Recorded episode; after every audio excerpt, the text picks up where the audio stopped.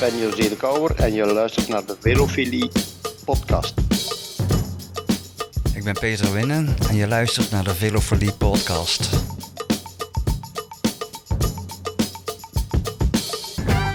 De Velofilie podcast.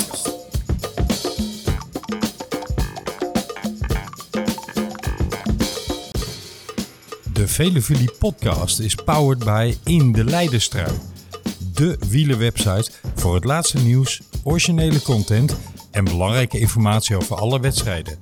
In de Leidenstrui.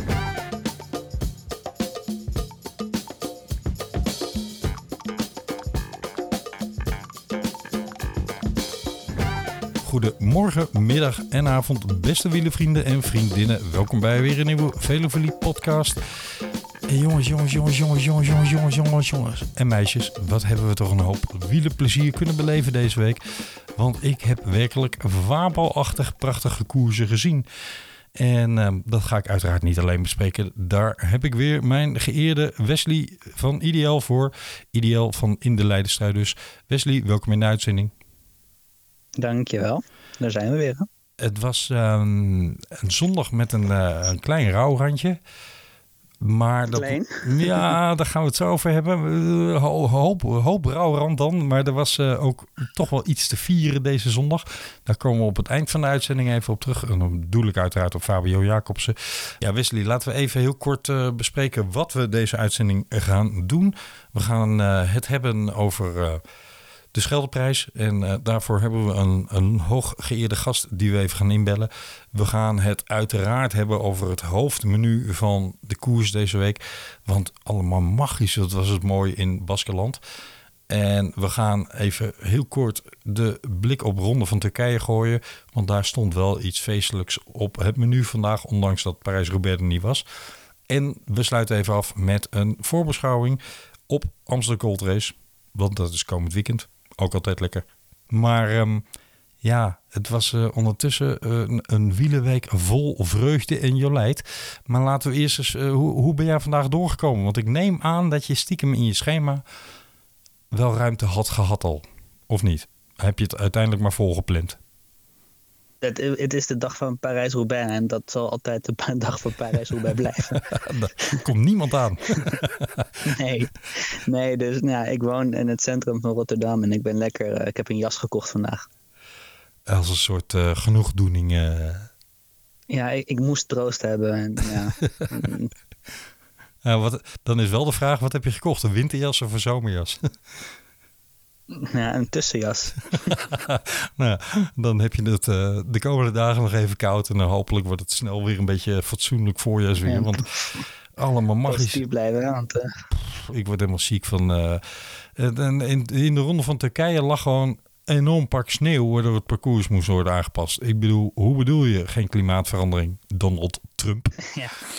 Ehm, ik wilde het net zeggen, maar weet, je, weet je wat ik gedaan heb? Eh, en dank beste uh, wielenvrienden van Sportza. Jullie weten altijd wel weer het zwarte gat te vullen. Ik heb gewoon, ik denk anderhalf uur zitten kijken naar alle aankomsten op de, de wielenbaan van Roubaix. Vanaf 19, was het nou 1990? Nou, ergens in de jaren 90 tot en met 2019. De laatste die al daar plaatsgevonden heeft. En dan is het toch wel weer leuk hoor, om, om alles terug te zien. En het was zo leuk dat ik eigenlijk nog maar een tweede rondje ben gaan doen. Want het was gewoon in een loop gemonteerd.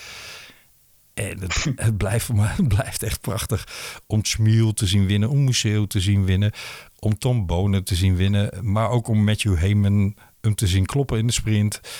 Ja, geweldig. En uh, ik was eigenlijk vergeten dat Servas Knaven in uh, 2001 ja, zo'n ongelofelijke moddereditie gewonnen had. Stiekem zat het ergens achter in mijn hoofd, maar toen ik de beelden weer zag, dacht ik, oh ja, Doma Farmfrieds. En die verschrikkelijke moddertroep uh, die all over the place zat. Waardoor hij een halve wielenbaan bezig was zijn shirtjes schoon te smeren. Om toch die sponsor Domo maar weer een beetje in beeld te kunnen krijgen. en ik zat te kijken en ik dacht, hm, de achterkant van je shirt is nog best schoon. Je kunt je ook omdraaien. Nou ja, dat is natuurlijk ook een beetje Ja. de beeldenfinish overgaan. Hè? Maar uh, Sta je met je achterhoofd op de foto. Ja, precies. Wie heeft er nou gewonnen? Eh, die ploeg. Ja, nee, het, eh, maar knows. het was, eh, het was eh, toch wel een feest om eh, een terug te zien. En tegelijkertijd een beetje pijnlijk, want ja, we hebben hem niet. Maar hij komt nog. Hij komt nog. En ja, hij komt er wel op een, op een toch wel weer slim gepland moment terug hè, in het seizoen. Namelijk de week na het WK. En dat WK is in... Eh, waar is dat? weer? België natuurlijk. Yes! En wat gaan Zo, we... goedemorgen. Goedemorgens. Wat gaan we tijdens dat WK in België doen?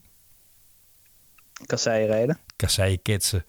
Dus eh, Ja. het, het wordt toch nog een soort van... Hè? Ja, precies. Het wordt toch nog een soort van Vlaanderen-Roubaix-achtig gevoel... voor de mannen die, eh, die eh, daar een specialiteit in hebben. En ik ben benieuwd of dat dan toch ook nog verschillen gaat brengen in... ja, wie is er in het voorjaar in vorm en wie is er in het najaar in vorm. Ik noem maar iemand, Tim Wellens of zo. Hè, dat hij in het najaar toch altijd net wat beter rijdt. We zullen het zien. Voorlopig, Heeft ook wel wat met het weer te maken natuurlijk. Maar precies. Ja, als het wat kouder is. vooral, vooral als het over Wellens gaat. ik ben wel benieuwd naar Parijs-Roubaix in oktober. Wat, wat dat voor effect gaat hebben. Want ik, ik, de, de verwachtingen waren dat het vandaag heeft geregend. zou gaan regenen in Roubaix. Ik weet niet of dat uiteindelijk ook echt uitgekomen is. Ik weet Ik, niet of eh, dat weet. Ik heb het niet meer gecheckt. Ik heb inderdaad diezelfde voorspellingen gezien. En toen dacht ik, ja, verdorie, dat wil ik helemaal niet weten ook. Nee, precies. Nou, in oktober op zich zou je verwachten dat er een grotere kans is dat het regent dan in april, toch? Ja, Of, of eh, ben ik nu alweer te, te positief bezig? eh, je bent in ieder geval optimistisch het bezig, hè? ja, ja. Ja. Want klimaatverandering doet alles veranderen.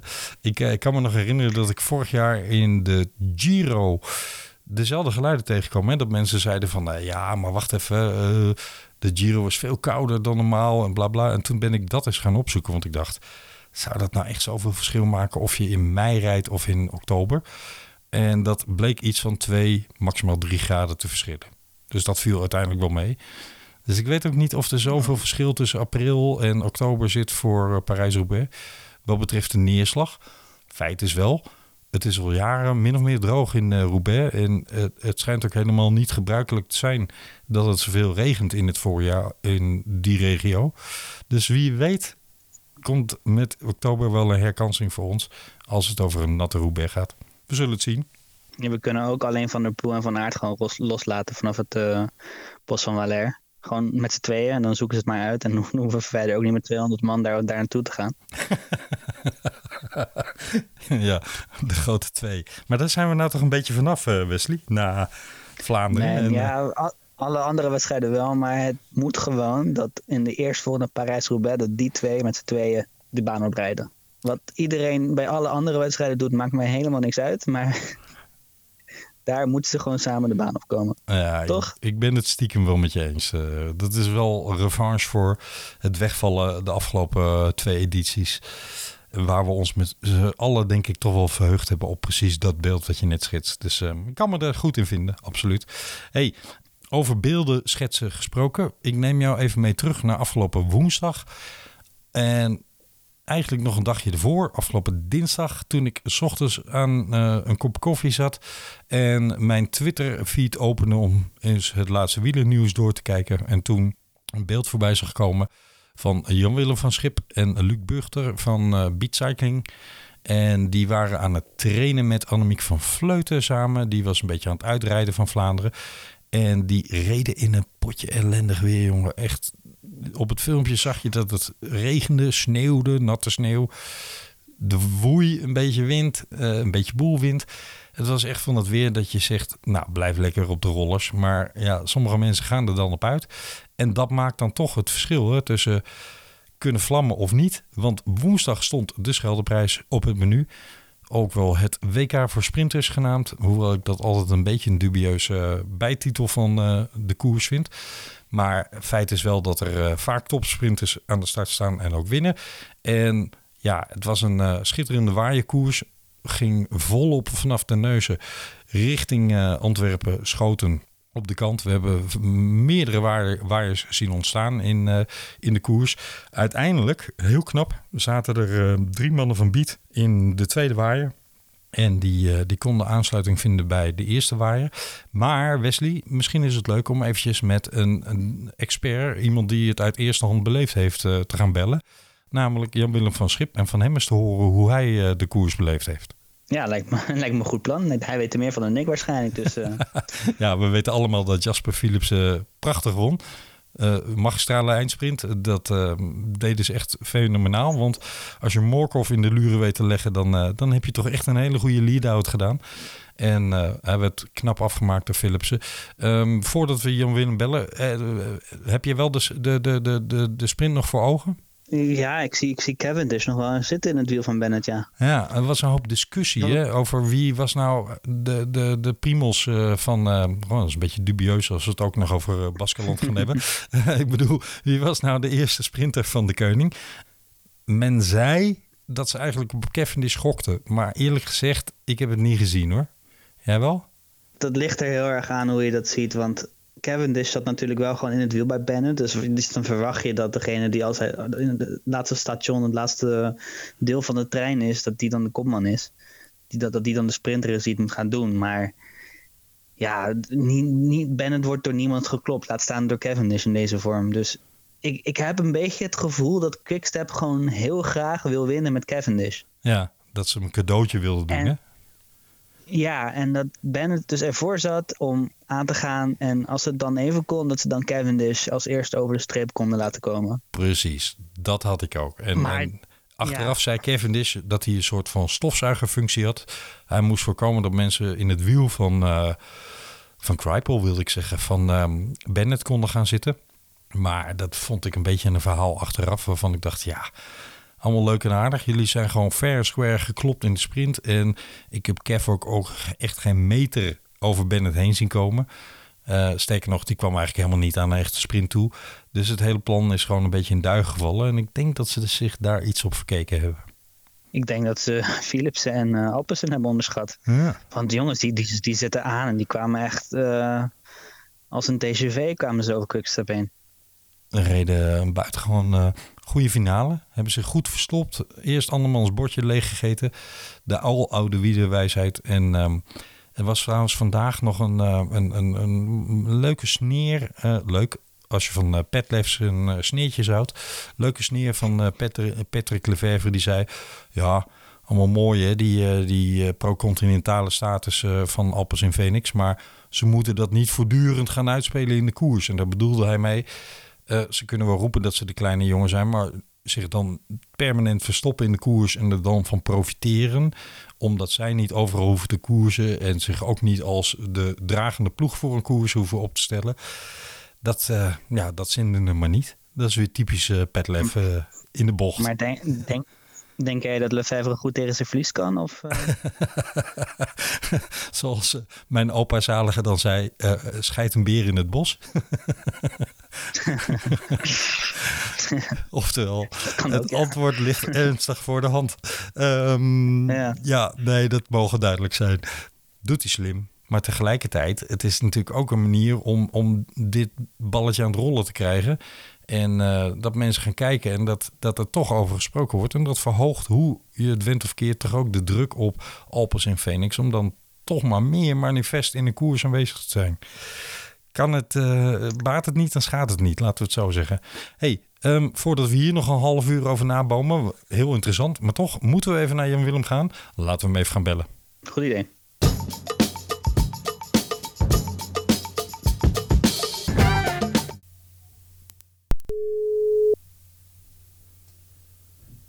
Met Jan Willem van Schip. Jan Willem, met Camille Rekman Velevelie podcast. Fijn dat we je even mogen, mogen bellen. Naar aanleiding van uh, jullie opvallende uh, media uh, aanwezigheid de afgelopen tijd. En dat werd natuurlijk weer veroorzaakt door jullie geweldige koers in de Scheldeprijs. Biet, Biet was goed in het nieuws de afgelopen dagen. Ja, absoluut. Ik denk dat we gewoon hard fietsen. En dat is natuurlijk altijd uiteindelijk het belangrijkste. En we laten zien dat we het vuur in ons hebben. En uh, dat, dat wordt beloond. Dat, dat ziet de rest ook, denk ik. Ja, loon naar werk. Dat dat is. Ja, precies. Ja. En uh, jullie hebben ook een, uh, een prachtige slogan.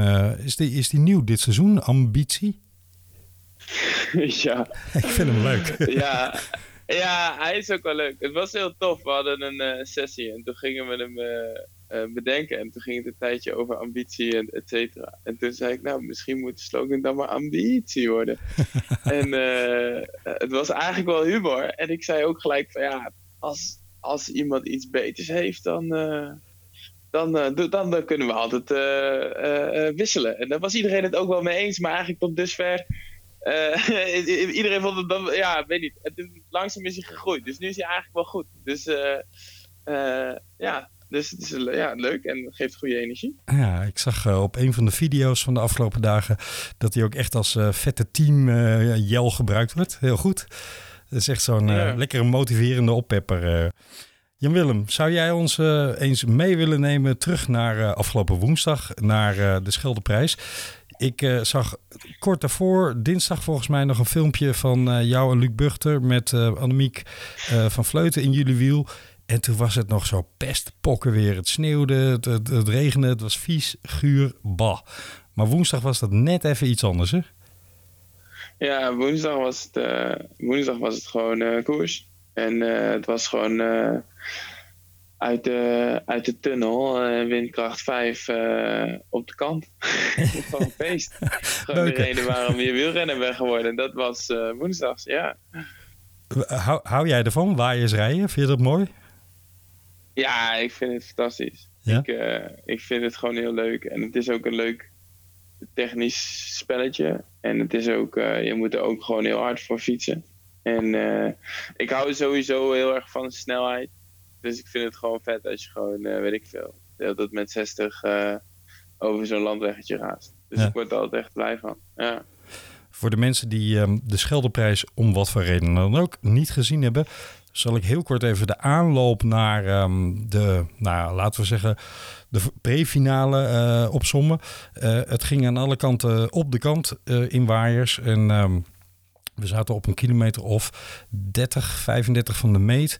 Toen waren er eigenlijk nog twee eh, groepen die meespeelden om de bloemen. Namelijk jullie met drie man van Biet in de tweede waaier. En jullie waren hard aan het inlopen op de eerste waaier. Waar onder andere ook wat eh, de Koningmannen in zaten. Uiteindelijk komen jullie met z'n allen bij elkaar. Hebben we een groep van 30 man.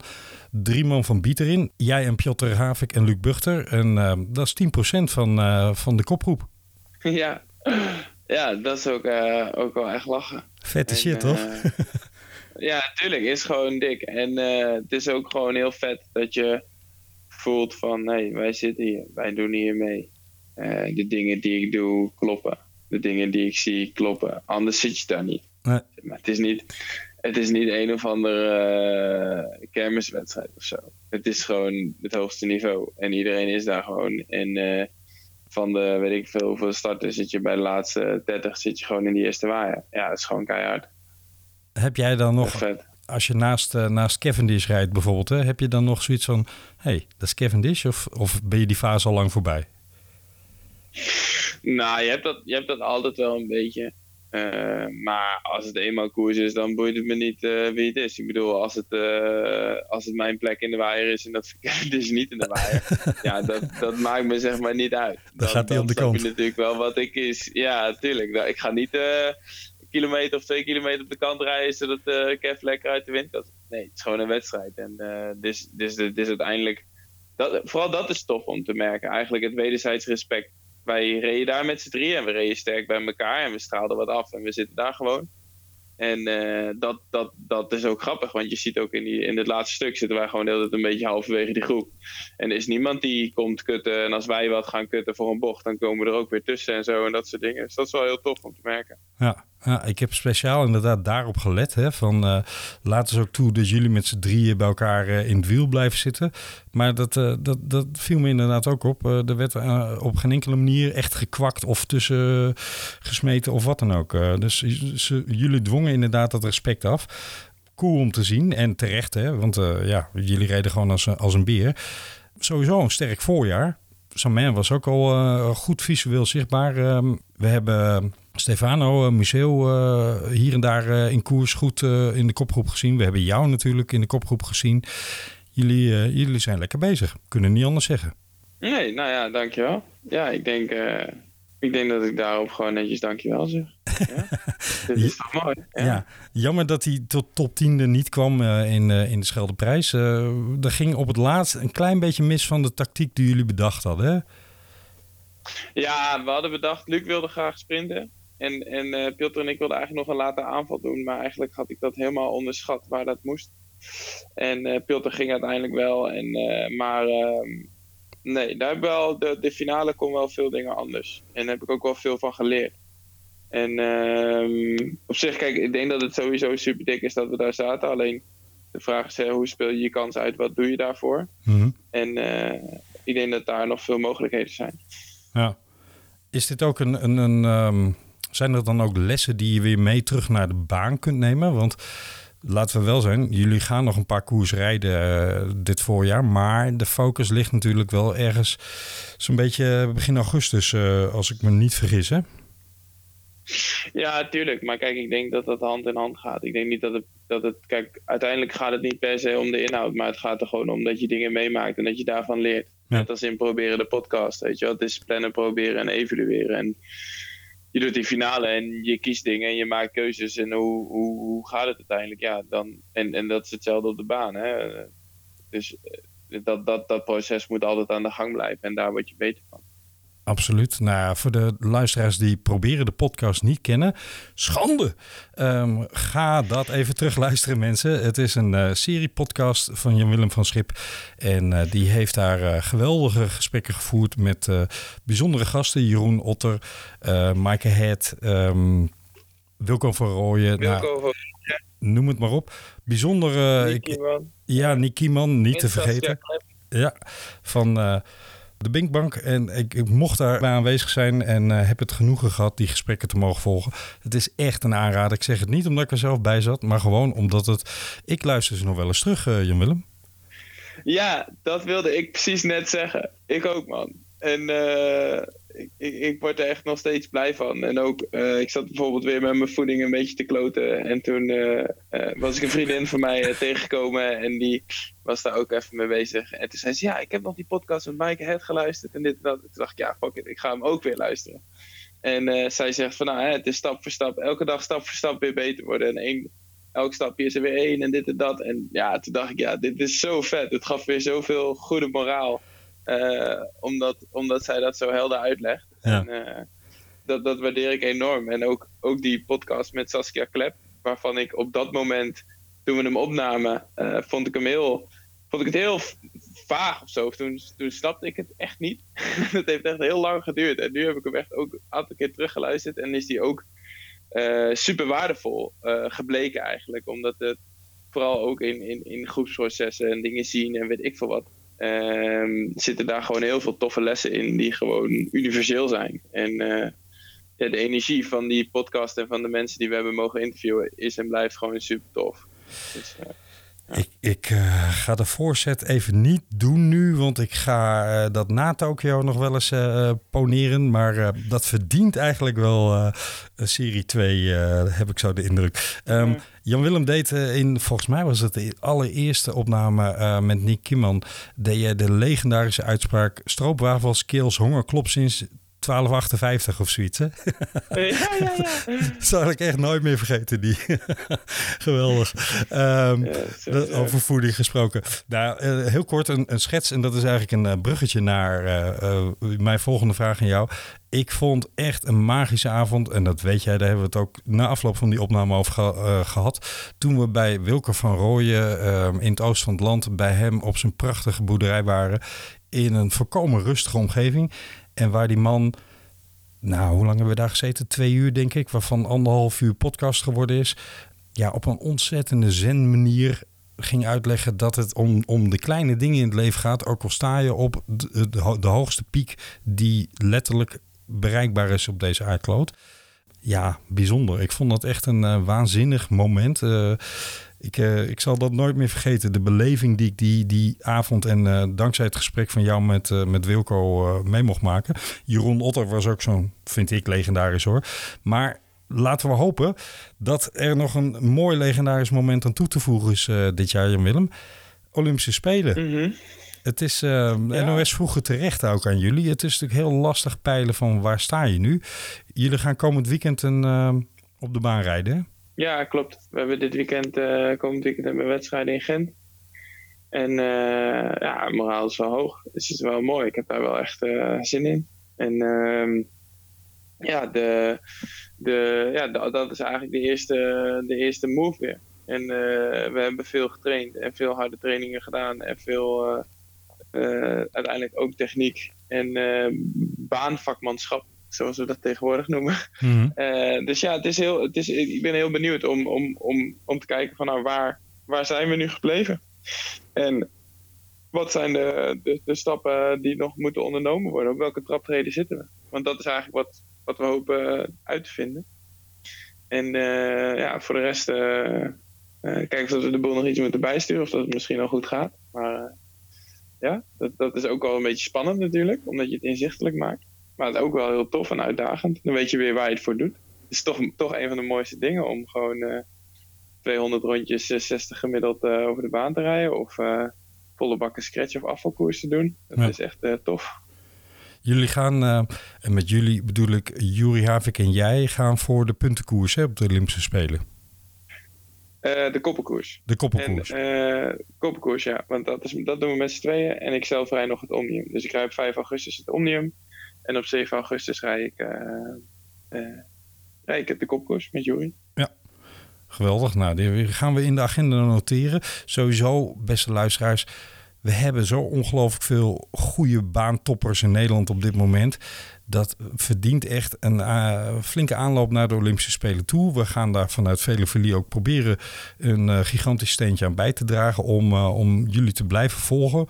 Jij, Juri, eh, maar ook de, de, de sprinters. En ehm, ja, kijken hoe de aanloop naar de Olympische Spelen gaat zijn. Want ik heb daar echt al meer dan anderhalf jaar waanzinnig veel zin in om die wedstrijden te gaan kijken. Als je nou niet zo'n fan van baanwielrennen bent, ik zou me niet kunnen voorstellen waarom. Maar ga dan gewoon eens bijvoorbeeld terugkijken naar het WK waarin eh, Jan Willem schitterde. Ehm, en kijk eens naar de baansprinters ehm, en, en hoe die mannen met hun vak bezig zijn. Het is echt waanzinnig wat deze jongens er allemaal voor doen. En ehm, ja, dat verdient, eh, vind ik, veel meer aandacht dan, eh, dan er is. We gaan ons best ervoor doen, Jan Willem. Wat is de uitdaging voor eh, de komende maand, behalve komend weekend in Gent op de baan? Ehm, nou, ik denk gewoon, eh, ja, ik weet niet. Eigenlijk gewoon vooral Gent doen. Dat is eigenlijk de eerste, de eerste stap. Maar- En dan even afschakelen en weer evalueren. En eh, weer fris de volgende stap nemen. En vooral veel trainen de komende tijd, hè, denk ik. Ja, absoluut. Ik bedoel, dat, dat is en blijft toch belangrijk. En je merkt ook, het blijft toch geestig dat, dat op het moment dat je gewoon een lang blok hard netjes systematisch traint, dan word je toch ook wel echt vet goed in fietsen. Dus ja, dat is niet, eh, ja je moet gewoon hard trainen. En eh, goed je best blijven doen en blijven oefenen.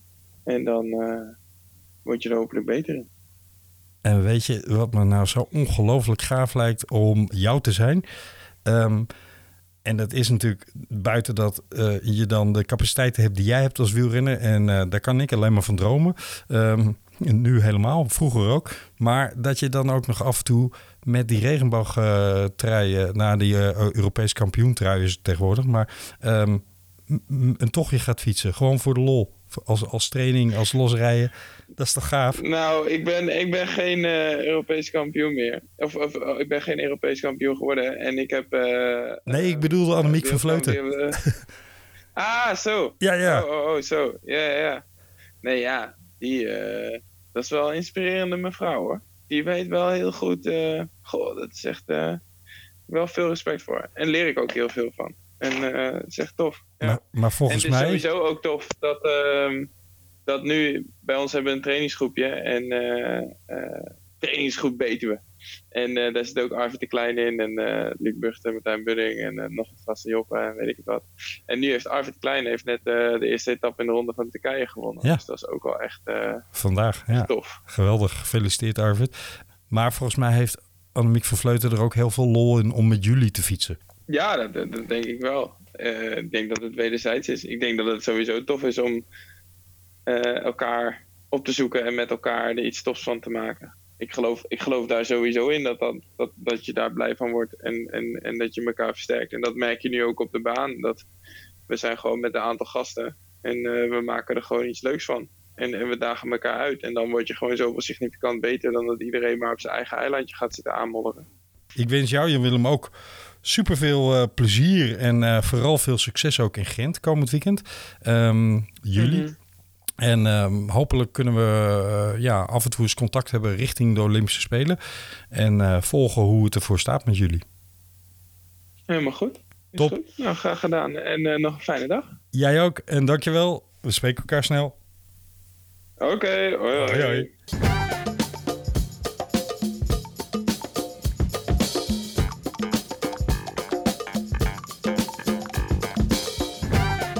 Ja, dat was Jan-Willem van Schip. Fantastisch dat hij uh, even beschikbaar was. En we zullen in de show notes van deze uitzending even de linkjes naar proberen de podcast neerzetten. Zodat jullie de uitzendingen, uh, de afleveringen daarvan rechtstreeks kunnen aanklikken. Zijn zeker het beluisteren waard. Heb jij ze al gehoord, uh, Wesley? Nog niet, maar ik ga zeker luisteren. Top. Right, dan gaan we door, Wesley. We gaan naar de ronde van het Baskeland. Itzulia 2021. En dat was een feest voor het oog, zeg. Uh, maar er is ook een hele hoop over te zeggen. Want wat ik wil voorstellen is dat we niet de hele koers gaan doornemen. Maar gewoon even wat highlights van dag 1, 2, 3 en 4 en 5 erbij pakken. En het vooral gaan hebben over het gevolg van dag 4. En de tactiek die daar gehanteerd werd door zowel Jumbo-Visma als UAE. En ja, hoe dat in etappe 6 allemaal uh, uh, zich manifesteerde. Ben je dat mee eens? Ik praat wel gewoon lekker met je mee, joh. Ik zie het wel. ik heb altijd graag een tegengeluid voor jou. Maar het begon in deze. En daar zullen we het, wel. Ja, precies. Nou, daar zullen we het wel over eens zijn. Het begon met een, uh, een ja, op zich ook wel frappant begin, namelijk de tijdrit. En het enige wat mij daar enorm aan opviel... is dat Jumbo-Visma koos voor een hele vroege start van Primoz Roglic. Alsof ze hadden rekening gehouden met, nou, wat er ook gebeurt... we willen niet, zoals in de Giro vorig jaar... of zoals op sommige andere de prologen of tijdritten wel eens gebeurd is... verrast worden door een weersomwenteling... En dus besluiten we maar heel vroeg in de koers van start te gaan. Want er ging als nummer 10 de tijdrit uh, van start. Ja, dat, dat is uitzonderlijk vroeg voor iemand die tot de topfavorieten behoort. Want dan moet je ook eindeloos lang in die stoel zitten voor de camera. Voor Jumbo-Visma wel ongebruikelijk, ja. Maar ook in de Giro van vorig jaar inderdaad werd het door andere teams wel gewoon gedaan. Volgens mij een Almeida die startte heel vroeg al. En Kelderman die was ook een beetje in het midden. Thomas reed heel, heel, heel vroeg, geloof ik. Ja, Thomas reed redelijk um, vroeg, ja, klopt. Ja, dus het gebeurt, het gebeurt wel vaker. Voor Jumbo-Visma kiest er wel voor gewoon om hun kopman uh, over het algemeen laat te laten starten. Kruiswijk en de Giro starten ook gewoon, ook gewoon laat. En verloor ook aardig wat tijd. Dus misschien inderdaad, misschien waren ze wel bang dat er iets zou gaan gebeuren met het weer of met de wind of, of uh, regen of, of wat dan ook. En er zaten natuurlijk wel wat afdalingen in ook. Dus dat de wegen zouden niet geholpen hebben. Maar ja, wat, wat, wat mooi is het dat, dat Roglic bij de eerste de beste ontmoeting met Pogacar gewoon gelijk ziet wie, uh, gewoon gelijk laat zien wie eigenlijk toch de baas is. Ja, dat zeg je nu. En het, was wel duidelijk, toch? Of, of ja, niet? in deze, in deze tijdrit was het duidelijk. Um, de uitslag mag gevoeglijk bekend zijn bij de echte fans. Roglic won voor uh, McNulty, twee seconden. En uh, Vingegaard Jona Vingegaard werd, uh, dat ga ik niet nog een keer doen hoor, beste luisteraars. Heb je geoefend de hele dag? Heeft hij dat geoefend tijdens de reis? ik heb er speciaal op Twitter een appje voor beluisterd hoe je die naam uitsprak. Dus ik zal het nog één keer doen. Jona Vingegaard. Die, um, die werd derde. Tobias Vos, heel knap, vierde. En Pogacar verloor 28 seconden, net zoals Yates lieten het een beetje in de afdalingen liggen, in de, in de scherpe bochtencombinaties. Ook nog vermeldenswaard, Ieder Schelling werd achtste al daar. Buitengewoon goede en knappe prestatie. Zeker, die, die, Schelling, die, die, ik heb het volgens mij al eerder gezegd, maar een beetje in de schaduw zo, de schaduw van Bora, laat hij toch wel echt mooie signalen zien waarvan ik denk, nou, over uh, een jaar of twee staat hij er gewoon in de Tour. En misschien niet als kopman of misschien niet als uh, top 5 favoriet, maar nou het is wel gewoon weer wat, wat, wat, fresse, wat verse aan was voor het Nederlandse klimmersgilde, zeg maar. Als hij echt voor een klassement zou rijden, dat moet ik nog even zien op dit moment. Maar hij gaat woensdag wel de Waasspel rijden. En wellicht ook in verband met uh, wat, wat omzettingen in de ploeg. Geen idee of dat zo is. Maar hij heeft in ieder geval de vrije hand gekregen om, uh, om daar uh, zijn gang te mogen gaan. Dus ja, kan nog leuk worden. Interessant. We blijven hem zeker op de voet volgen. Dinsdag was het uh, wie het vers kan plassen tussen Pogacar en uh, Primoz Roglic. en dat deed me weer een beetje denken aan uh, een van die finishes in de Tour. Waarbij Roglic eigenlijk de jump maakte en Pogacar er op het laatst nog overheen kwam. En het een soort van sprintje was wie, wie, wie, wie, wie. En je zag eigenlijk een beetje ook dezelfde blik bij Roglic op zijn gezicht van... en hij drukte ook meteen zijn zijn tijdmeting uit van... Um, ja, ik heb er eigenlijk uh, geen zin in om jou in je gezicht te kijken. Want Pocaccia keek achterom van... Uh, ik heb je afgetroefd, vriend. En uh, keek naar beneden en drukte uit alle macht op wat knopjes op zijn stuur... op zijn tijdwaarneming, op zijn Garmin, wat er ook op zit. Om maar niet naar voren te kijken naar Pocaccia. En dat deed mij heel erg aan de Tour denken. Dat ik dacht, hm, dit is toch weer een klein tikkie van Pocaccia richting Roglic. Dat tikkie zag ik ook wel ik moet zeggen, met, met deze aankomsten waar na een berg, na een hele steile heuvel, het, het een stukje bergaf is of een, of een bocht, of, dan is het niet altijd de sterkste die wint in, in dit geval. Nee. Het is heel erg wie aan kop met, aan de bocht of wie, in, wie aan kop aan de afdalen, een klein stukje afdalen begint, wint gewoon. Ja, positionering. En dat, dat heeft, ja, dat, dat is puur, puur positionering en vaak is de renner die de betere benen heeft, kan makkelijker positioneren. Dat wel. Maar Roglic daarvoor net te zetten aan en Pogacar beantwoorden. Pogacar nam over, begon aan, aan die laatste meters en won. Ik denk niet dat de per se de sterkste in dit geval heeft gewonnen die dag. Maar desalniettemin, het, is wel weer, het was wel weer een stootje op uh, de kin van Roglic, ja, van Pogacar. Ja, want ze waren ook heel duidelijk bezig om elkaar vooral niet de ruimte te gunnen om uh, te kunnen winnen. Want ja, er werd bijna gesneden in bochten. Uh, het gat werd dichtgegooid, noem, het al, noem alles maar op. En uh, dit, ja, de, de, het was 1-0 voor Roglic in de tijdrit. En dat was een hele dikke 1-0. Maar laten we zeggen dat dit 1 een half was. Alsof het schaak is waar je ook een half punt uh, kunt verdienen. Uh, hij sloeg toch een heel klein beetje terug. En toen dacht ik, gaat een interessante week worden dit. Sowieso. 80 parcours hadden we natuurlijk ja. voor de boeg. Dus um, ja, met etappe 2 was het al uh, dolle pret. En um, toen kregen we etappe 3. Daar gaan we heel kort over zijn. Namelijk... Astana, Astana, Astana, die deden mooi werk daar. En uh, die gaven eigenlijk al een voorzet voor wat ze de hele week zouden gaan doen. Namelijk Maakt niet uit welke debiele afdaling voor de wielen kwam. Wij vliegen erin. en uh, was het niet Oma ja. Vrije die uh, een poging deed, dan was het wel Alex Aramburu. En die namen dat mooi van elkaar over. Werden uiteindelijk 1 en 2. Mooie overwinning. Staan we daarmee in de World Tour in de boeken. Want het was ook meteen de eerste overwinning van Astana dit jaar. Ja, in die afdaling van Astana, daar, daar lijken ze wel echt uh, wat mee te willen. Ja. Dat doet me wel denken aan de Tour de France vorig jaar, waar Tony Martin vooral zei tegen tweede ton van doen we maar rustig aan in deze afdaling. En daar ging aan staan en daar ging aan staan tegen een verkeersbord aan. Ja, Lopez, karma.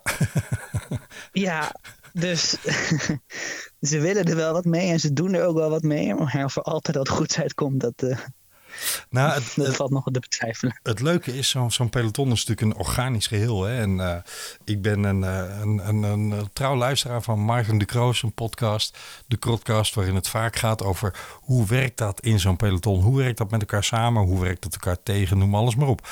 En een van de dingen die Astana fantastisch voor elkaar weet te krijgen... is om de boel altijd dusdanig op te jagen. De helft van de peloton, en dan doe ik een constructieve inschatting het liefst Astana keihard ergens een sloot in zou willen rijden. Omdat, omdat ze eigenlijk dwars door alle pelotonafspraken heen proberen te koersen. Nou, een mooi voorbeeld gaf je net zelf aan, vorig jaar in de Tour. Toen uh, Tony Martin, toch een van de patronnen in het peloton, al is het maar op senioriteit. Zei jongens, laten we nou eens even rustig gaan doen. Want we gaan niet met bosjes liggen op dat gladde parcours rondom Nice. En dan staan er dacht ja toedels, wij zijn er van tussen. En uh, ja, het hele peloton ook in een deuk lag. Dat ze daar in de bocht uh, Lopez tegen een bord zagen vliegen. Waardoor het hele plan in een viel. Maar dit is wel typisch Astana. Die fietsen dwars door alle conventies heen af en toe. Maken ze ook niet altijd vrienden mee hoor. Maar het, het, het, het, ik benoem het specifiek omdat het later in de week nog terugkwam. En ook daar weer een aantal opvallende dingen aan te melden waren. Dus woensdag won Aramburu. Donderdag hadden we ja, een mooie etappe. Waarbij het wederom Astana was. In de afdaling. Ook, maar ook als winnaar. Ja. Ja, ja goede week voor Astana. Jon Isakide. En wel opnieuw weer, ja, wel opnieuw weer in de afdaling, hè, die aanval. Ja, en daar had eigenlijk deze en gene al een wijze les kunnen leren. Het was natuurlijk voor de hand liggend, hè, want voor zowel Isakire als Aramburu was het een thuiswedstrijd als Basken. En um, je mocht verwachten dat die uh, op zijn minst een poging zouden wagen op een parcours wat ze ook ligt qua prestaties. Isagir is trouwens oud-winnaar van uh, de Ronde van Baskeland. Dus die had ook wel een bepaalde reputatie hoog te houden al daar. Hoe vond jij dat, dat het publiek langs de kant stond? Moest je weer even wennen of niet? Sowieso moest ik wel wennen, maar ik, ben, ik was er wel blij mee, moet ik zeggen. En dat, dat gaat natuurlijk ook tegen alle regels in een beetje op Astana's. Maar nou ja, je kijkt wel een beetje weer ergens naar ik, moet zeggen, de weilanden die je gewoon kan zien zonder dat er een mens voor staat, ben ik ook wel weer zat. Natuurlijk, de, veiligheid van de renner staat voorop. En, dat kan waarschijnlijk niet gewaarborgd worden op deze manier. Mm Hoewel ik het me afvraag of een besmetting zo snel kan plaatsvinden. Maar ik ben geen viroloog, dus daar mag ik geen uitspraak over doen. De volgende keer bellen we Maurice de Hond. Ja, dat blijkt het, misschien wel een viroloog. Gaan we het over aerosolen hebben. maar nu niet. Misschien, Misschien kunnen we even peilen of iets uh, op besmet is. Ja, precies. Maar uh, ik snap wat je bedoelt. Het was, het was apart om te zien dat er honderden en dan ook echt honderden basken bij elkaar in elke bocht stonden. Of elke bocht, maar in ieder geval de belangrijkste bochten op de belangrijkste klimmen. En tegelijkertijd dacht ik bij mezelf, als we het dan ergens zien, is het ook wel weer een feestje dat dat hier gebeurt. Want die basken die zijn zo ongelooflijk koersgek. Dat is gewoon te leuk om te zien. De, de Hollandse bocht op Alp de West is er eh, beroemd om. Maar die Basken die maken er minstens een zo groot feest van hoor. Ik hoop heel erg dat Baskeland weer heel snel een uh, wielerteam op het hoogste niveau krijgt. Ik wou zeggen. Dat verdienen ze wel gewoon. Ja, ja. Euskatel, Euskadi.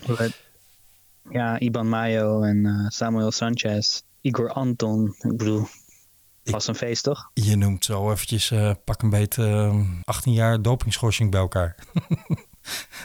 hey, over, ja. over doping gesproken. Laten we even een, ja, laten we een klein intermezzo inbouwen. Er was weer eens wat reuring, uh, beste Wesley, over de heer L. Armstrong. Voor sommigen bekend als een niet zevenvoudig toerwinnaar. Voor anderen bekend als de man die ze toch allemaal won. Hoe je ook over hem denkt. In dit geval was er weer eens wat reuring. Namelijk op de website Sticky Bottle. En die hebben een quote van het voormalig hoofd van het Franse antidopingagentschap Jean-Pierre Van Verdi. Die heeft gezegd: Ik heb met allerlei mensen gebeld en gesproken over Armstrong in de tijd dat hij won. En ja, wij waren het toen eigenlijk met elkaar eens. Dit kan helemaal niet alleen maar EPO zijn geweest. Wat ze blijkbaar toen al vermoeden. Dit, hier moet nog iets anders aan de hand zijn. En hij komt tot de conclusie, en dat komt hier recent op de Franse televisie dat het uh, niets anders dan een motortje geweest kan zijn wat het onderscheid maakte tussen alle andere mannen die doping pakten toen de tijd. En even met name over EPO en Armstrong. Hoe kijk jij hiernaar? Is dit uh, de zoveelste trap na vanuit Frankrijk? Of is dit iets wat misschien toch enige aandacht verdient, omdat in het verleden die Fransen ook zijn blijven doorspitten in Armstrong. En daar uiteindelijk natuurlijk toch wel het een en ander aan waarheid uit naar boven gekomen is. Credits voor, voor dat inderdaad. Ze zijn er wel. Ze hebben hun tanden erin gezet en die zijn er ook niet meer uitgegaan. En volgens mij zijn er ook nog wat tanden in de mond achtergebleven, blijkbaar. Hele gebitten. ja. ja, Pitbull zat erin. um, ja, ik, ik word er een beetje moe van, om het maar op goed Wim, uh, Wim Kies te zeggen. Ja. Ja, oké. En, en dan heeft hij een motor gebruikt. En wat dan?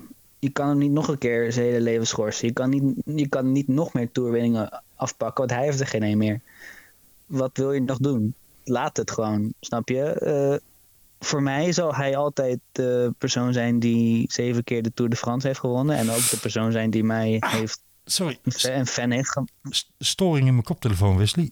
Ik, ik, ik hoorde even helemaal niks. Nee, ga het niet herhalen. Nee, ja. ik, ik doe het heel doms, want dan ga je het misschien weer herhalen. Ik reed net een tunnel in. De ontvangst was slecht. Je viel weg. Ehm, ja, nee, ik snap je. La- ja. Let bygones be bygones. Dat is eigenlijk jouw eh, opvatting. Dat sowieso. Maar niet altijd natuurlijk. Maar in dit geval wel. Ja. Ik vind het, ik, ik vind het ook die heksenjacht die er nog steeds is op, op dopinggebruikers. En ik ben natuurlijk, ik ben dat elk spelletje moet, eh, elke sport moet op een eerlijke manier gebeuren. En, en als je dat niet doet, dan verdien je een straf. Simpel is dat. Mhm. Maar wielrenners die doping hebben gebruikt worden echt als criminelen behandeld. Alsof ze iemands schoonmoeder hebben mishandeld.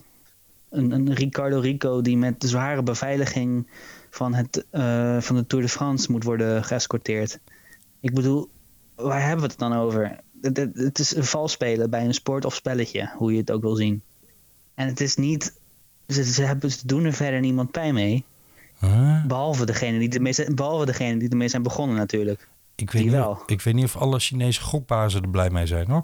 Maar ehm, nee, los van alle gekkigheid. eh, dat, ik, ik snap je punt en toch is het ook niet helemaal waar. Want er zijn wel degelijk natuurlijk ook landen die er veel drastischer mee omgaan.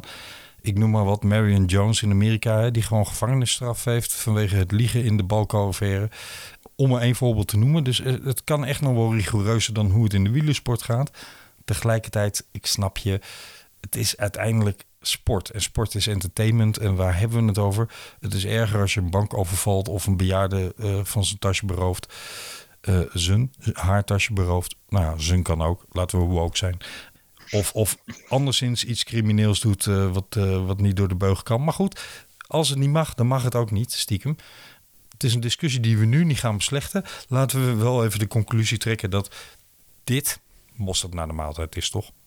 Ja, sowieso mosterd naar de maaltijd. En vooral de vraag, en wat dan nog? Wat wil je nu nog bereiken? Ja, ik snap dat er nog steeds mensen zijn die denken... "Wah, zijn reputatie wordt misschien weer iets te goed. Dat mag wel weer wat afbreuk aan doen hoor. Maar eh, misschien is dat het doel wel.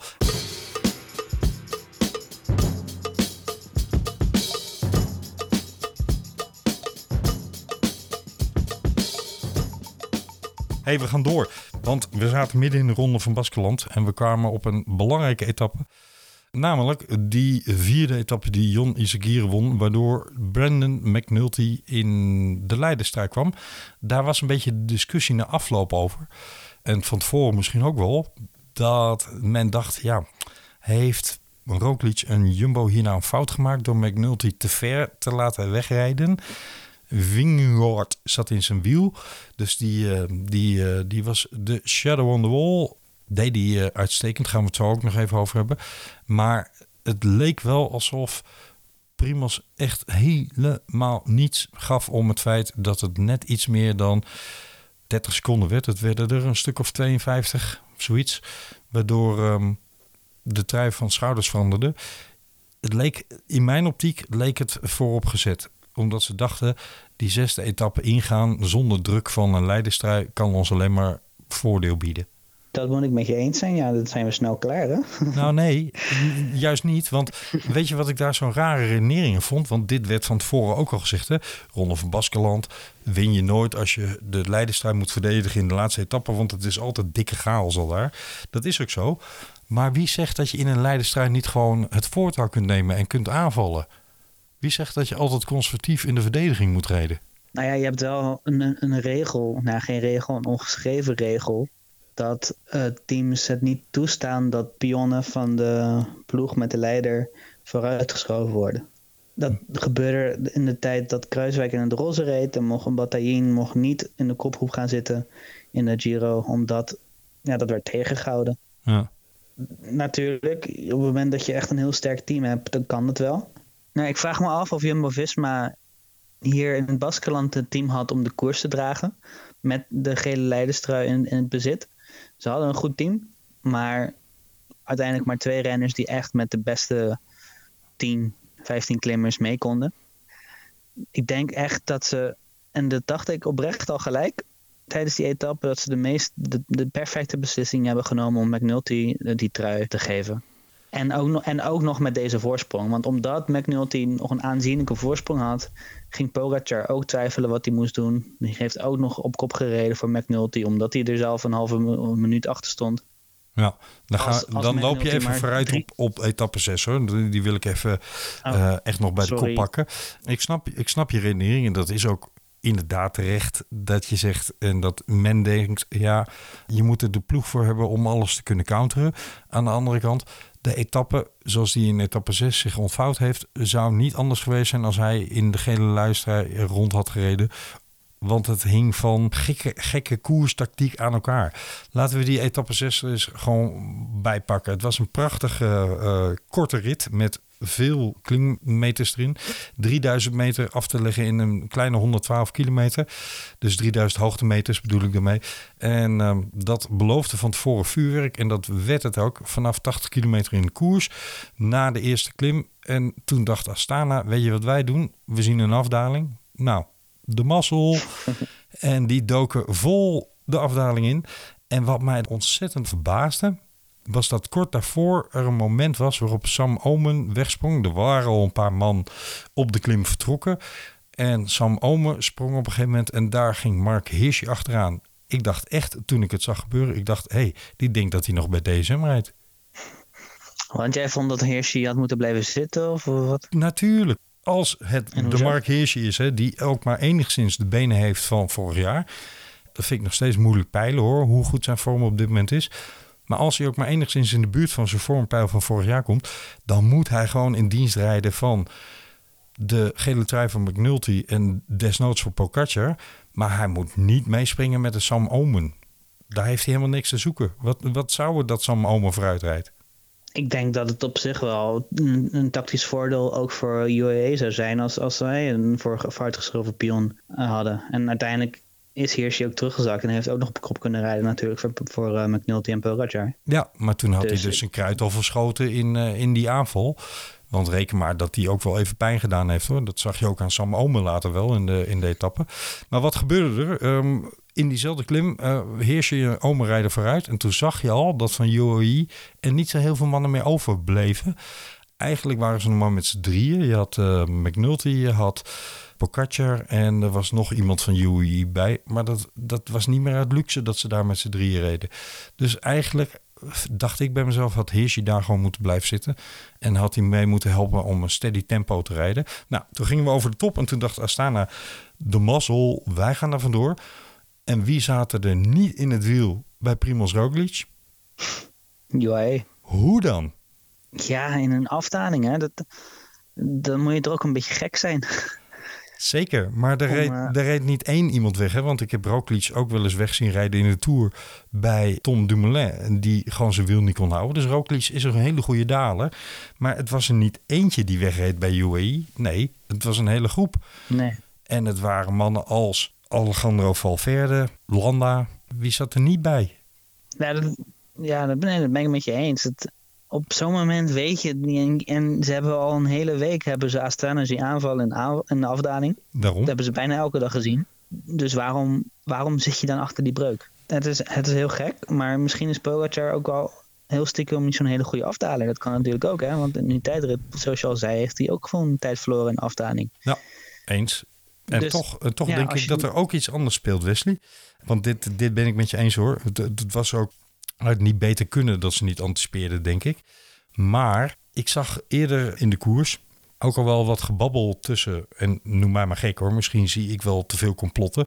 Maar ik zag ook al wat gebabbel tussen Astana en eh Roglic. En het zou mij helemaal niks verbazen als dit in de beste wielertradities van een Eddy Merckx of een eh, Raymond Poulidor, Anquetil, als dit gewoon een keiharde conctie was van mannen, jullie knallen erin in de afdaling, ik duik in het wiel en we gaan met z'n allen koersen. Astana is daar absoluut een ploeg voor die daar lol in heeft. Hè? Want die, die rijden graag door dat soort conventies heen. En die gooien graag eh, de knuppel in het hoenderhok. Maar weet je wat mij er zo ongelooflijk aan verbaasde? Aan de groep die daardoor ontstond. Dat daar ook mannen van Movistar zaten te rijden.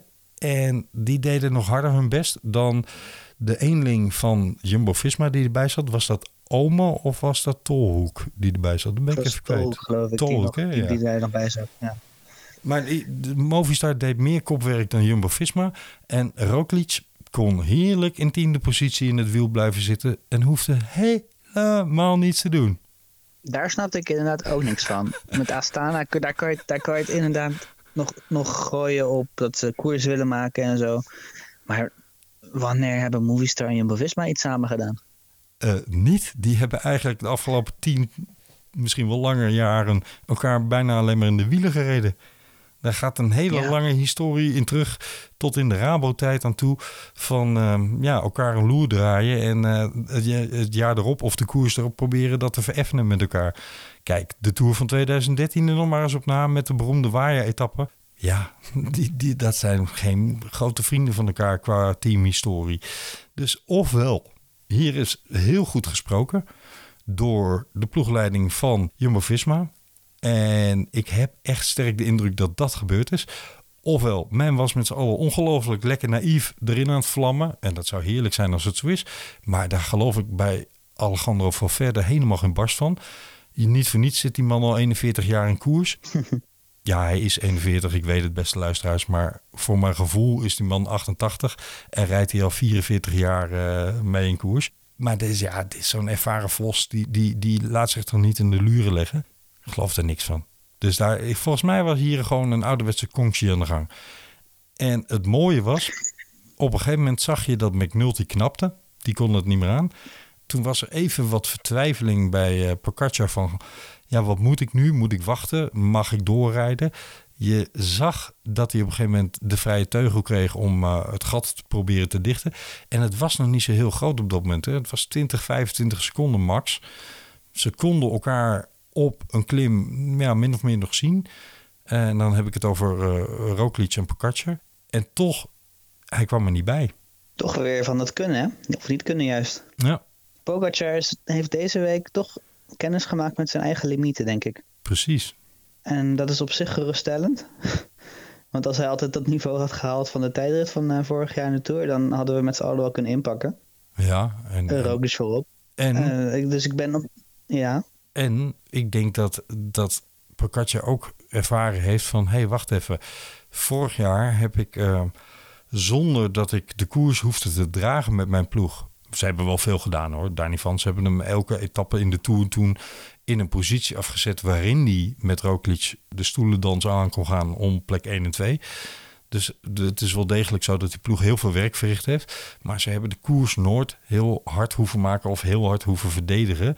Omdat ze eigenlijk altijd konden anticiperen op de aanval van Pocaccia. Dat klinkt een beetje tegenstrijdig misschien.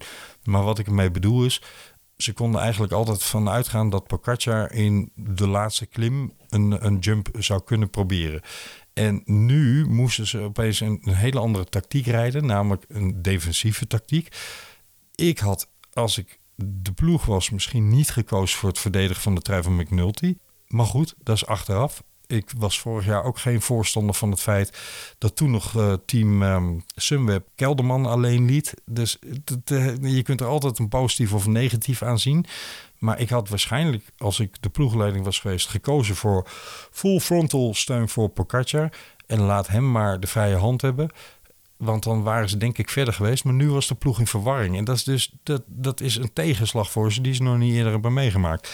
Kan ze ook weer sterker maken hè, richting de komende etappekoersen. Maar je zag ook dat Pocaccia er niet heel lekker mee om kon gaan. Want in de etappe waarin McNulty vooruit reed... heeft hij toch ook best wel wat kopwerk lopen doen en lopen sleuren. En anderen lopen opjutten van... eh, kom op man, kom op, blijf rijden, blijven roleren... om terug te komen naar dat groepje voorop. En daar zat Vingegaard bij, dus hij had op zich ook nog wel een reden om dat te doen. Maar tegelijkertijd zat McNulty er van zijn eigen team. Dus hij had ook weer geen reden om het te doen. Snap je de verwarring? Ik, ik zie de verwarring en ik snap het ook. En ik ben er eigenlijk ook wel blij mee. Ik ook. Ja, mooi toch? En Emirates, UAE Emirates heeft ook eigenlijk helemaal niet het, niet het team om straks meerdere pionnen te kunnen uitspelen in de Tour. Ze hebben Pogacar en daaronder hebben ze echt het team goed versterkt met, met een aantal echt goede klimmers. Ze hebben Hirschi, ze hebben McNulty nu, ze hebben ook, al, ze hebben ook nog een Formulo, ze hebben een Dombrowski. Weet ik, weet ik veel wat ze allemaal nog meer hebben. Ze hebben echt wel goede klimmers, maar niemand, behalve Pogacar, gaat in de top 10 van de Tour rijden. Hmm, Misschien nee. McNulty over, over een aantal jaar. Maar Jumbo-Visma daarentegen, daar gaat Roglic in de top 10 rijden. Daar gaat Kruiswijk in de top 10 rijden. Daar gaat Koes kan in de top 10 rijden daar. En Vinegaard in deze vorm. Of wil je de naam nog een keer uitspreken? Jona Vingegaard. Precies, die. In deze, Ik moet dit gewoon opnemen. Dan kunnen we dit in de toekomst gebruiken. gewoon een onder Ja, een knopje. zo'n snel knopje. ja, precies. nou, en, en, en slaat Tobias Vos niet over. Hè? Ik bedoel, dat is ook een talent waar eh, ongeveer het hele wielenpeloton achterheen gezeten heeft om hem binnen te krijgen. Dus ehm, die gaat er ook wel komen hoor. Zeker. Maar ik bedoel meer aankomende Tour de France al. Ja, ja, ja. Want ik, ben er eigenlijk, ik ben er eigenlijk wel van overtuigd dat Vinegaard... Oh, ik druk het knopje weer even in, of, of niet meer. Nee. Eh, Jo- Jonas Vingegaard. Dat hij eh, Tom Dumoulin gaat vervangen in de Tour de France. Dat lijkt me een eh, realistisch scenario.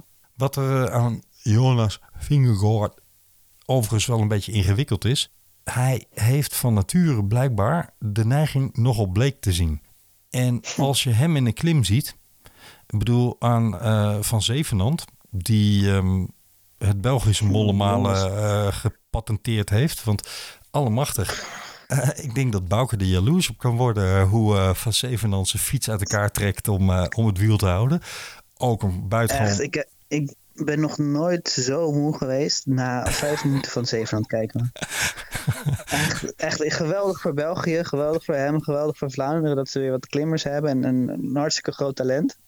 En hartstikke mooi. Maar oh jongens, dat, dat klimmen, dat, echt alsof elk, elke seconde een, een, een bot van hem breekt. Het, het, ging, het ging maar door en het ging maar door. En ik dacht, los nou gewoon jongen, los nou. Ja, Doe maar het, dat- Laat het gaan. Dat vond ik juist zo heerlijk om te zien. Het, het, het, eh, hij fietst eigenlijk een beetje zoals men in de jaren 80 aan het stoempen was. Toen was er bijvoorbeeld op de 23 als, eh, als kleinste tandwiel zo'n berg op eh, zien te stoempen. En dat was gewoon op de macht klimmen. En zo lijkt hij te klimmen. Het, het hoort, het stond, het stuitert. Iemand in, ehm, de, de, in de Leidenstrui eh, Wielencafé app schreef... Het schijnt dat zijn hoofd 12 kilometer meer heeft afgelegd dan zijn lichaam. Ja, vond, ik, maar vond ik een hele mooie beeldspraak van eh, hoe zijn, eh, zijn fietsstijl in klimmen zich, zich voor ogen ontvouwt. Maar die reed dus Maar dat is fantastisch. natuurlijk wel. Ja, het is, het is natuurlijk grappig en het ziet er heel grappig uit en ook wel heel moeizaam.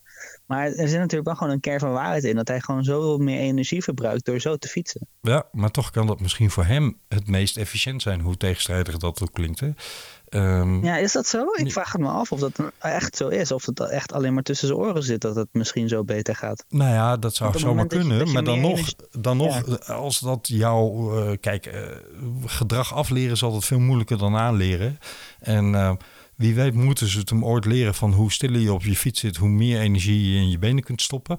Aan de andere kant, als dat voor hem maakt dat hij denkt tegen plafonden aan te rijden... waar hij met trekken en sleuren wel doorheen kan... ja, laat hem. Hij komt er namelijk dan ook niet doorheen als hij het niet doet, zeg maar. Dus ik, ik vraag me af of je daar heel veel aan moet sleutelen, hoor. Kijk naar Hoe Chris, zou, hoe zou die een tijdrit rijden? eh, hopelijk wat stiller dan dat. Maar ik wilde net zeggen, kijk naar Chris Froome... eh, over dat lelijkheid wel degelijk ook kan winnen. Hè. Eh, maar ik wil even terug naar, naar Jonas Vingegaard. Want waar je aan Van Zevenand heel goed kunt zien... dat hij aan het afzien en aan het lijden is... daar kon je, kun je aan Vingegaard eigenlijk de hele tijd niet afleiden... of hij op het punt staat om te moeten kotsen en, en te moeten lossen omdat hij zo ongelooflijk diep aan het gaan is dat hij helemaal grauw ziet, of dat dat gewoon zijn natuurlijke look is. En blijkbaar is het gewoon zijn natuurlijke look. Want wat een koers heeft die jongen deze week gereden. Ja, die maakt echt wel een, een stap per maand. Die voor twee jaar geleden won hij een rit in de Ronde van Polen, geloof ik. En dan vorig jaar maakte hij echt een stap in de, in de Ronde van Spanje, waar hij af en toe bij de beste tien nog bij zat. Ja. Maar hij hoort, hij hoort nu wel echt gewoon bij de grote jongens. Heel erg jammer dat hij die etappe niet kon winnen. Het was tactisch dat hij helemaal niet goed geplaatst in die sprint. Nee, dat Hij was bleef wel een veel te lang achter. Ja. Ja. hij bleef veel te lang achter in die groep zitten. Terwijl hij wel best snel is aan de meet. Dus hij had hem echt kunnen winnen. Dus ik snap heel goed dat hij daar wel heel chagrijnig over was. Ja, maar volgens mij, het leek alsof hij de opdracht had om maar vooral voor McNulty te moeten blijven. Want hij bleef echt voortdurend bij McNulty in de buurt. Alleen die sprintte hem op het allerlaatst nog een beetje voorbij. Dus ehm, Ja. die opdracht leek te mislukken. Ik denk dat hij daar chagrijnig over was. Ik denk dat Pogacar nog steeds wakker wordt met het beeld van eh, Jonas Vingegaard. En daar hou ik hem mee op ook. Op zijn netvlies. En dat hij daar s s'nachts nog wel eens zwetend van wakker wordt. Prachtige etappe, gewonnen door Jumbo-Visma, door Primoz Roglic. En die eh, heeft een wijze les uit eerder dit jaar geleerd door een cadeautje weg te geven. Ja, dat werd ook wel tijd. In Parijs-Nice kreeg hij de, de, de emmer, hoe noem je dat? De deksel op de neus. Ja. Eh, door dat niet te doen. En eh, ja, nu wel. En ik, ja, je kan eh Groupama, FTG, dan kan je maar beter aan je kant hebben staan, toch? Want uh, Codu was er ook gewoon heel blij mee. Dat zag je na, na, na de meet. Lekker knuffelen met elkaar. Absoluut. Dus Bok- dat, een eh, boxje op één kilometer voor de meet. Ja, nee, ja, maar dat werd- dit werd bijna klef. ik, eh, ik zat bijna te denken, zou ik volgend jaar tekenen bij Jumbo-Visma? Zou ik overigens niet verkeerd vinden hoor. Goeie rennen. ja, go- goede renner. Maar dus hij zou daar eh, Pinot moeten opvolgen, toch? Dus ik denk dat ze die heel graag willen behouden. Ja, dat is zo. Dat is zo. Mooie koers. Super van genoten. Want het was echt elke dag dolle pret en, eh, en een festijn. Door het parcours, door de omgeving. Prachtig daar in het Baskeland. Door de fans, maar met name door de heren coureurs. Die gewoon alsof corona iets teweeg gebracht heeft bij ze. Besloten elke dag, we gaan er vol in knallen en we maken er een feest van. En eh, of ze het op de fiets zo beleefd hebben, durf ik te betwijfelen. Want het was bikkelhard qua snelheden. Maar eh, voor de wielerkijkers en wielervolgers was het eh, een en al winst en een feestje. Dus ehm, ja, meer van dat zou ik zeggen. hey, over meer van dat en feestjes gesproken. Er was dit, deze zondag zonder Parijs-Roubaix ook nog iets heugelijks te vieren, Wesley. Namelijk in de Ronde van Turkije. De terugkeer van Fabio Jacobs in koers. Ja, ik ben zo, ik ben zo blij daarover. Ik, het het is echt een, echt een opluchting voor mij, al. laat staan voor hem. Ja. En laat staan voor, eh, voor al zijn fans. Ik hoop voor hem dat hij weer zich veilig gaat voelen in het peloton. En dat het allemaal iets makkelijker gaat. En dat hij weer aan een sprint kan gaan denken. Want nu kan dat het nog niet. En dat is ook logisch. Maar ik hoop wel weer voor hem dat het terugkomt. Want zolang hij niet die sprint weer rijdt... zal het altijd wel een beetje een wrang gevoel blijven, ben ik bang. Ja, absoluut. Ik, ik hoop echt van harte dat hij er eh, niet onbewust een angst eh, aan overgehouden heeft. Hij zegt dat hij totaal geen actieve herinneringen heeft vanaf, eh, vanaf een, een aantal momenten voor zijn bewuste val in de Ronde van Polen. Dus al eerder dan de val zelf is, eh, is dat op een of andere manier weg in zijn geheugen. Dus hij zegt ook, daar kan ik geen angst uit ervaren, want ik weet niet meer wat er gebeurd is. Hey, ehm, wat ik je wil voorstellen, Wesley. Vorig jaar zag ik iemand op Twitter die nogal geraakt was door deze valpartij. En ik wil voorstellen dat we even met hem gaan bellen om eh, te ervaren hoe hij de terugkeer eh, beleefd heeft. Het leuke van wielrennen is altijd de verhalen eromheen. In dit geval is dat leuk, misschien een beetje een vreemde opmerking mijnerzijds. Maar wat ik ermee bedoel is, wielrennen hangt van verhalen aan elkaar. En vorig jaar toen dat ongeluk gebeurde met Fabio Jacobsen in eh, de Ronde van Polen. Ja, toen zag ik een van de mensen die ik eh, op Twitter volg. En ehm, die schreef iets wat mij toen heel erg aangreep. En waarvan ik dacht zo. Deze valpartij heeft eh, naast impact op Fabio Jacobsen zijn eigen privé situatie. Toch ook heel erg impact op de wielenvolgers. En ja, ik was ook heel benieuwd hoe hij, want het is een hij, hoe hij zou reageren op zijn terugkeer in het peloton. En daarom hebben we hem even aan de lijn. Jeroen van Brugge, welkom in de uitzending van Vele Philippe podcast. Ja, dankjewel. Dankjewel. Leuk dat, ik, eh, dat je me erbij bij wil hebben. Ja, absoluut. Want het eerste toen ik las van Fabio um, is terug op de weg terug en uh, gaat in de ronde van Turkije zijn retour in het peloton maken. Het eerste wat ik dacht was, ik dacht aan jou. En ik dacht aan de manier waarop jij vorig jaar reageerde op zijn valpartij. Je was er, uh, nou mag ik wel zeggen, hevig ondaan door. Hè? En, en ja, kun je misschien voor jezelf schetsen hoe, hoe jij dat toen beleefd hebt? Ja, nou, het, het, het, het, was wel eigenlijk al het toeval dat het op precies dezelfde dag was dat Burg Lambrecht overleed. Ook in dezelfde koers natuurlijk. En uh, ik, uh, ik kreeg, uh, kreeg al appjes van, een, van een vriend van me die echt in dezelfde strekking waren. Van oh nee, het is niet waar. En dat was allemaal een beetje op dezelfde manier als waar ik, waar ik een jaar eerder dus appjes over had gekregen. En dit keer bleek het te gaan om, om Fabio Jacobsen die echt nou, een ontzettende doodsmaak heeft gemaakt natuurlijk. ik kreeg het advies om het filmpje niet te bekijken want ik heb het voor de goede orde niet live gezien. Hmm. Ik kreeg het advies om het filmpje niet live te, uh, om het filmpje niet te bekijken. En uh, zoals het gaat op, uh, op social media en helemaal op een op wielrennen ingericht social media. Ik, ik kreeg het filmpje keer op keer op keer te zien. En ik moet zeggen dat we nu zeg maar, een goed half jaar verder zijn. En ik, ik, ik heb het filmpje gelukkig al maanden niet meer teruggezien. Maar ik word er nog steeds vrij onpasselijk van als ik, als ik eraan terugdenk. Ja, ja dat herken ik wel. Het is ook een beetje de ramptoerist in ons allen, hè, die dan maakt dat je het toch kijkt en toch. En dan vooral als erbij staat, deze beelden zijn echt schokkend of iets dergelijks. Ja, dan uh, ga je er toch kijken. En gek is dat, dat je er uh, eigenlijk van walgt, maar ondertussen ook naar gaat zitten kijken. Dat is nu eigenlijk andersom. Vandaag um, is hij weer uh, op de fiets gestapt in de Ronde van Turkije. Ja, dat rondje, daar was niet zo heel veel aan. Hè. Dat was veranderd vanwege de omstandigheden in Turkije. Sneeuw in, uh, op 11 april. Nou jongens, uh, mocht iemand nog klimaatontkenner zijn... dan zou ik zeggen, kijk eens naar het uh, huidige wielrennen. En uh, je ziet vanzelf wat de impact van klimaatverandering is. Maar los daarvan, wie weet lul ik nu wel uit mijn nek hoor. En uh, is er elke, elke april sneeuw in Turkije. geen flauw idee. Maar in ieder geval, dat rondje was niet zoveel aan, want dat hadden ze ingekort vanwege sneeuw. Maar het was wel prachtig dat Fabio in beeld genomen werd. En, en ja, dat iedereen in het peloton ook wel zag van... Dit is even een bijzonder moment, hè? Oh, absoluut, absoluut. En dat begon inderdaad eigenlijk al, al vrij vroeg in de koers. Dat je, dat je al kon zien dat hij misschien al dan niet bewust naar voren gereden werd. En ja. uh, je zag hem binnen de eerste 10 kilometer zag je hem steeds vooraan zitten. Maar ook gedurende de koers zag je ook dat, uh, ik denk dus een, een, dingetje wat, wat ik vandaag op Twitter meerdere keren voorbij heb zien komen, is het schouderklopje van, uh, van Christopher Halversen. Op, uh, laten we zeggen, kilometer of 40 voor de meet, dat hij, dat nog een schouderklopje geeft van, goh, goed om je terug te zien. En ja, dat, uiteindelijk is hij vandaag, is die, volgens mij is hij 147ste geworden, wel in het peloton gefinished. Is ook niet op, op, ook niet op achterstand of zo, maar ik denk al bij al gewoon dat dat eigenlijk wel de grootste overwinning van de dag was. En het is leuk dat Arvid de Klein misschien de sprint wint. Alleen het, het, ja, de rentree van Jacobsen, dat is denk ik wel de grootste overwinning van de dag, ja. Ja, zeker voor hem persoonlijk, maar ook voor ons als wielerliefhebbers en wielervolgers zeker ook wel. Het zet toch ergens een punt.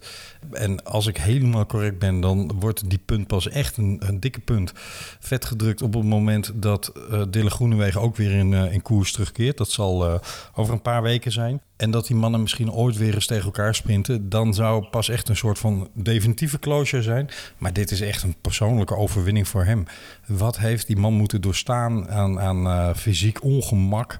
En uh, ja, gevochten voor zijn leven. En dan, dan toch de ambitie houden om uh, terug te willen kruipen op die fiets. En om te zeggen, ik wil in dat peloton me manifesteren. Hè. Ik, ik, ik laat dit niet de definitieve breuk van een droom zijn die ik al jaren aan het navolgen ben. Knap. Er staat ook een mooi verhaal. En volgens mij heb jij het gelezen, Jeroen. Er staat een mooi verhaal in ons allergeliefde wielerliteraire tijdschrift De Muur. Ja, absoluut. absoluut. Ja, daar heb je, heb je Menno Haanstra, die, uh, die ooit had besloten toen hij uh, uh, verhaal wil, wilde schrijven over, over twee jongens die wilden proberen profielrenner te worden. Nou, toen is hij is die bij SEG in de keuken gaan kijken en dan kwam hij twee jongens tegen. Waar, waarbij hij hoopte dat eentje prof zou worden en eentje niet. uiteindelijk werden het allebei, Fabio Jacobs en Julius van den Berg. Ja. En en uh, dit, uh, dit verhaal dit, uh, in, in de laatste editie van, van De Muur, daarin, daarin word je echt meegenomen naar, naar 5 augustus opnieuw. En, en ook naar het, naar het herstel zelf. En ik, ik heb het echt gelezen met een, met een knoop in mijn maag, maar wel... Uh, je weet uiteindelijk uh, dat de rentree dat die, uh, dat die er is. En daarmee dat het ook een, een happy ending heeft. Maar het is echt heel aangrijpend opgeschreven door, door, door Menno Haastra. Ja, kippenvel. En, ja, absoluut. Maar, maar ook gewoon hoe, hoe, hoe, erg het ook uh, logischerwijs natuurlijk ook hoe, hoe erg het uh, Julius van den Berg ook heeft, heeft aangegrepen. En volgens mij is het denk ik ook voor, uh, voor, de, voor de directe collega's van, van Fabio ja, ontzettend heftig. En misschien ook des te mooier dat hij er vandaag eindelijk weer terug coureur is.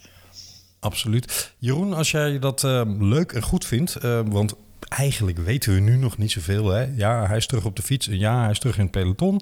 Maar vanwege het criteriumachtige karakter van de etappe van vandaag... Ja, kunnen we eigenlijk nog niet zeggen waar die staat.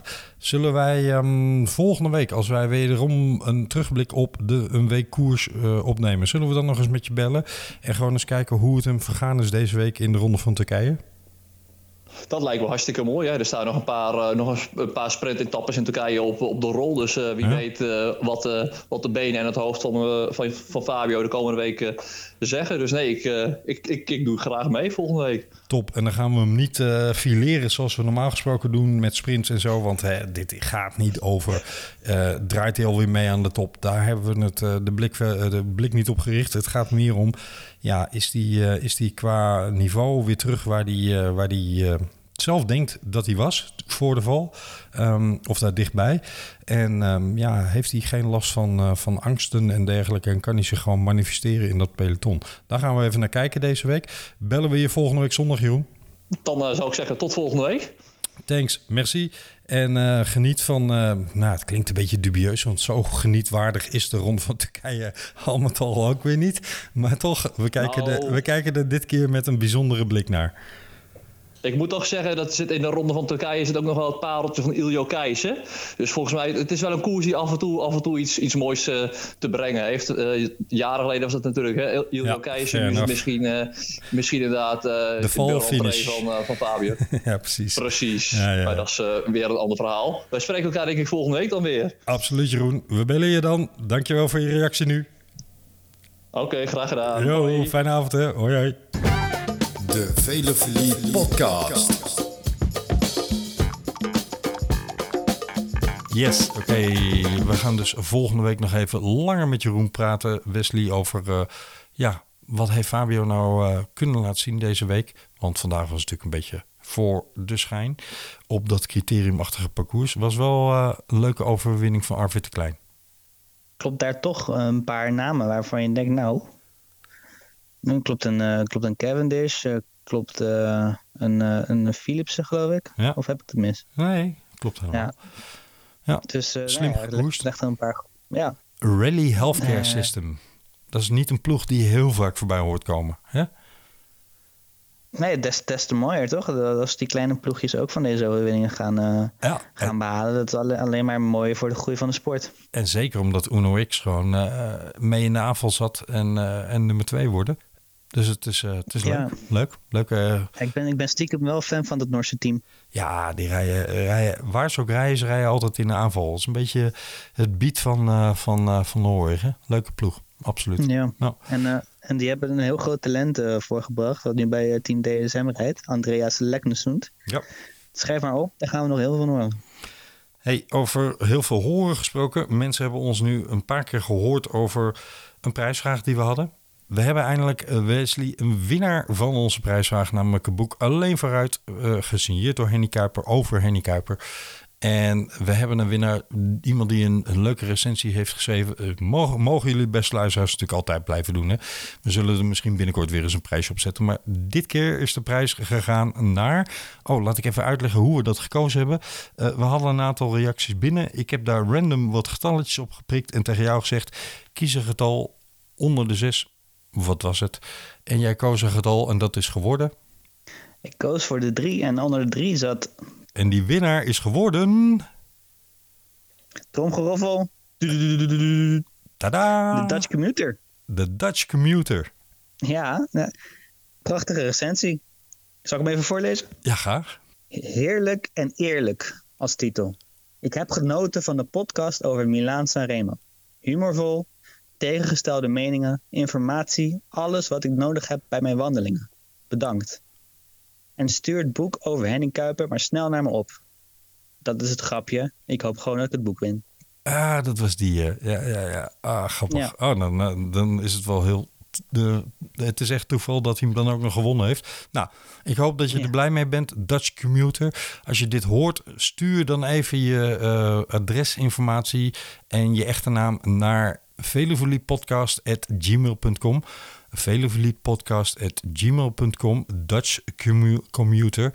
Want dan kunnen we het boek naar je toe sturen. En uh, heb je binnenkort wat heerlijk leesvoer gesigneerd door Henny Kuiper himself, de Grandmaster. Ik ben, stiekem, ik ben stiekem ook wel heel erg benieuwd waar, waar de bijnaam vandaan komt, Dutch Commuter. Ja. Ja, ja reis je dan binnen Nederland of als Nederlander reis je dan naar andere landen? Of en doe je dat alleen maar wandelen? Ja, precies. Ja, ja. ja nou, toch leuk dat een wandelaar naar een wielenpodcast luistert. Hè? Dat is een uh, goede zaak. Ja.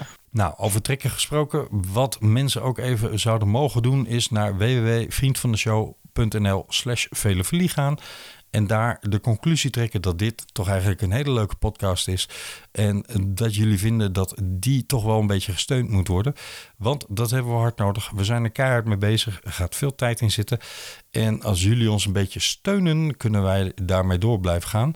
Je kunt daar namelijk vriend van de show worden door een donatie te doen. Ga je dat doen, dan zul je zien dat je binnenkort ook extra content gaat ontvangen als vriend van de show. Uh, dan moet je dus wel een donatie voor doen.